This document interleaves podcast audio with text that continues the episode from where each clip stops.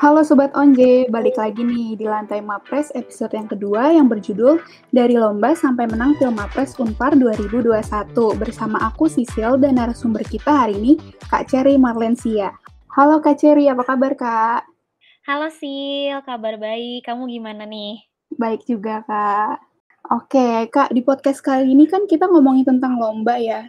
Jadi aku pengen nanya nih Kak, Kak Cherry ini udah pernah ikut lomba apa aja sih? Oke, kalau dari lomba sebenarnya aku itu, eee, cerita dikit kali ya, ya ikut lomba itu dari aku semester 2 dan kalau nggak salah tuh aku sempat pernah hitungin total lomba aku tuh 31 lomba sampai semester ini. Tapi mungkin yang aku bisa share, eee, lomba perdana aku itu di National Problem Solving Case di NPSC di Surabaya, ini lomba offline. Terus lomba yang kedua itu ada di Management Competition Musikaritas di Palembang dan ini juga offline waktu itu. Dan pas mungkin kalau online itu aku sempat ikut KBMK Dikti, eee, ini kompetisi manajemen bisnis dan keuangan dari Dikti, sama yang terakhir itu ada Ambition dari Atmajaya. Paling itu kali ya yang bisa aku share. Wow, aku kaget loh 31 lomba tuh banyak banget loh, Kak. Wah, keren sih. Kalau gitu aku mau nanya nih, Kak, manfaat atau benefit apa aja sih yang paling Kakak rasain selama mengikuti 31 perlombaan itu, Kak? Oke, sebenarnya kalau untuk benefit sih setiap lomba punya benefitnya masing-masing ya. Jadi dari yang awalnya aku nggak tahu lomba itu tuh kayak gimana, itu pertama kali belajar, eee, tentang perlombaan, terus juga gimana cara ngejawab kasus, pasti banyak banget sih benefit-benefit yang aku dapetin, dan dari setiap lomba yang aku ikutin itu pasti punya benefitnya masing-masing. Oke.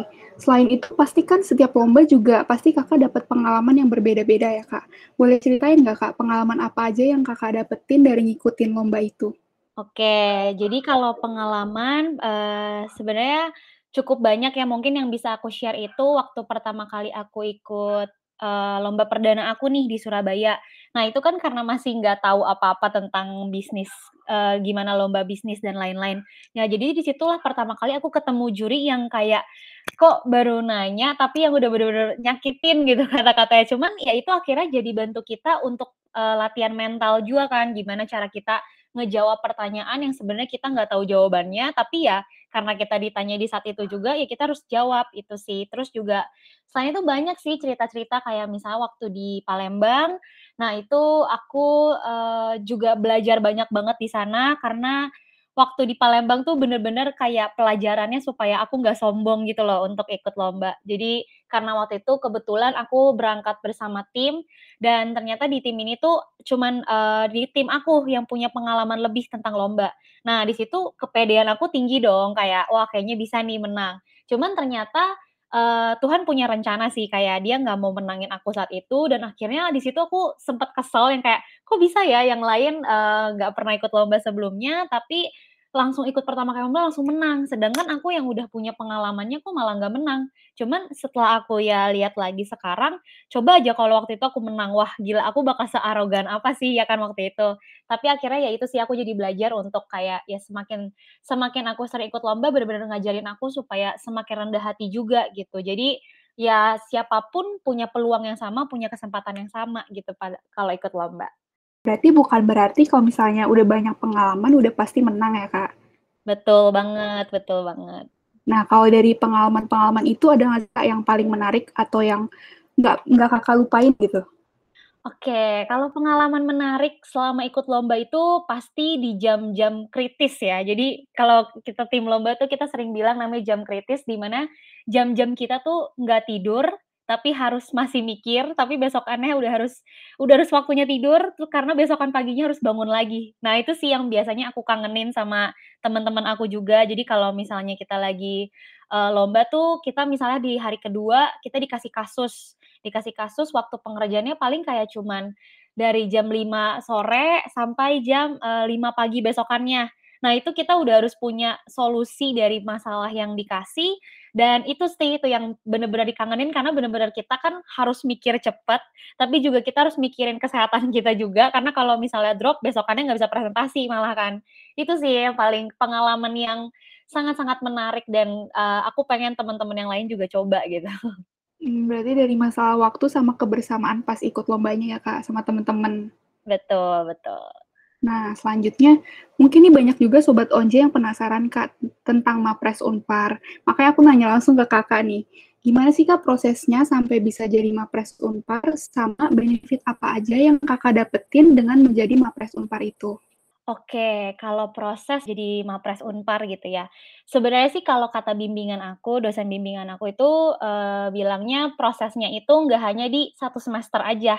Jadi setiap aku kayak lagi, eee, nggak pede gitu ya tentang aku bakal jadi Mapres, waktu itu aku selalu diingetin gitu kayak, ini tuh yang udah aku pupuk dari aku semester 2, yang udah aku jalanin dari semester 2, dan kalau misalnya aku nggak pede pada saat itu, masa iya sih aku mau menghilangkan semua si perjalanan aku selama dari semester 2 itu. Ya jadi bener juga, jadi kalau misalnya teman-teman di sini lagi dengerin, ya, eee, menjadi Mapres itu memang nggak nggak hanya perjalanan satu semester atau bahkan hanya berapa bulan gitu ya. Meskipun aku diterima, eee, maksudnya dapat gelarnya itu di, eee, semester ini, ya itu ternyata emang selalu diingetin bahwa proses itu tuh panjang gitu loh, nggak hanya tiba-tiba langsung jadi Mapres, tiba-tiba nggak langsung hanya dapat, eee, juara gitu. Tapi ya emang dari awalnya sih yang, eee, aku dari dulu ikut lomba yang sampai 31 lomba itu bahkan itu nggak semuanya menang gitu loh. Jadi kayak ada menang, ada kalah dan ya akhirnya sih, eee, ngebantu yang lebih penting itu ngebantu kita untuk mempelajari proses kali ya. Jadi kita selama proses itu mau hasilnya kalah, mau hasilnya menang, pasti ada pembelajaran yang kita dapetin, gitu. Oke, berarti lebih ke prosesnya ya, Kak? Ya, bener banget, prosesnya tuh lebih penting sih dari hasil kan. Karena ya kalau misalnya ngomongin gelar Mapres, ya itu hanya sebatas gelar sih. Jadi, eee, temen-temen aku juga banyak banget yang sebenarnya cocok jadi, eee, Mapres juga gitu dan kalau bisa mungkin Mapres bisa lebih dari 10, lebih dari 100 mungkin semuanya bisa masuk gitu. Itu sih paling ya. Oke, keren banget, Kak. Eee, yang terakhir nih, Kak, boleh nggak sih ngasih tips buat mahasiswa yang masih takut atau ragu untuk ikut lomba? Oke. Oke, eee, untuk tips and trik ya, aku selalu jadi kan aku tuh dulu sempat ini ya, jadi asisten laboratorium. Nah, mungkin ini sih pesan yang aku selalu sampein ke mereka itu, eee, adalah setiap kita menuju sesuatu gitu ya, itu nggak ada yang, eee, nggak ada yang rame-rame kalau misalnya kita tuh pergi ke bulan gitu. Jadi maksudnya adalah, ya kalau misalnya jalan kamu aneh, terus kok kayaknya, eee, mahasiswa yang lain nih nggak biasa gitu loh, ini tuh tapi menurut kamu tuh ini benar, ya go for it gitu. Jadi cobain aja dan bakal banyak sih orang yang nyinyir gitu ya. Cuman karena ya mau prestasi ataupun nggak prestasi sih, tetap aja pasti ada yang ngomongin kita gitu. Tapi mendingan diomongin orang karena kita punya prestasi daripada nggak sama sekali. Dan, eee, yang selalu aku inget juga, setiap orang itu punya jatah gagal. Jadi aku selalu ngingetin diri aku juga sih sebenarnya kalau ya semua orang itu punya peluang dan kesempatan yang sama. Dan semua orang juga punya jatah gagalnya masing-masing. Jadi inilah yang kenapa aku selalu mengambil semua peluang atau kesempatan yang di depan aku, eee, tanpa mikir itu nanti aku gagal atau enggak, karena kalau misal pun aku gagal, berarti aku lagi ngabisin jatah gagal aku. Sampai akhirnya nanti pas di depannya itu ya yang tersisa hanya kesuksesan gitu. Itu sih yang paling aku sering ceritain, eee, maksudnya sering encourage mereka untuk terus mikir ya, terus aja apa pun peluangnya, apa pun kesempatan depan kamu, jangan pernah mundur untuk ngambil itu. Itu sih yang, eee, mungkin aku bisa, eee, ceritain. Oh, tambahan dikit karena kan kayak J.K. Rowling, Jack Ma, terus Colin Harlan Sanders yang, eee, pendiri KFC, itu kan semua ngalamin kegagalan kan. Nah, makanya menurut aku ya kita nggak perlu takut sih sama kegagalan, justru kita harus takut kalau kita nggak pernah mencoba sama sekali. Gitu, Sil. Setuju banget sih, Kak. Berarti kalau misalnya mau ikut tuh kita nggak boleh takut gagal. Terus kita harus percaya diri, sama kita percaya aja dengan potensi yang kita miliki dalam diri kita. Bener ya, Kak? Iya, betul. Itu kunci utamanya sih. Oke. Nah, sayangnya nih Kak, podcast-nya udah harus berakhir sampai di sini aja. Terima kasih banyak ya Kak Cherry udah, eee, sharing banyak nih tentang pengalamannya, tentang lomba, sama tentang, eee, punya kesempatan jadi Mapres Unpar juga.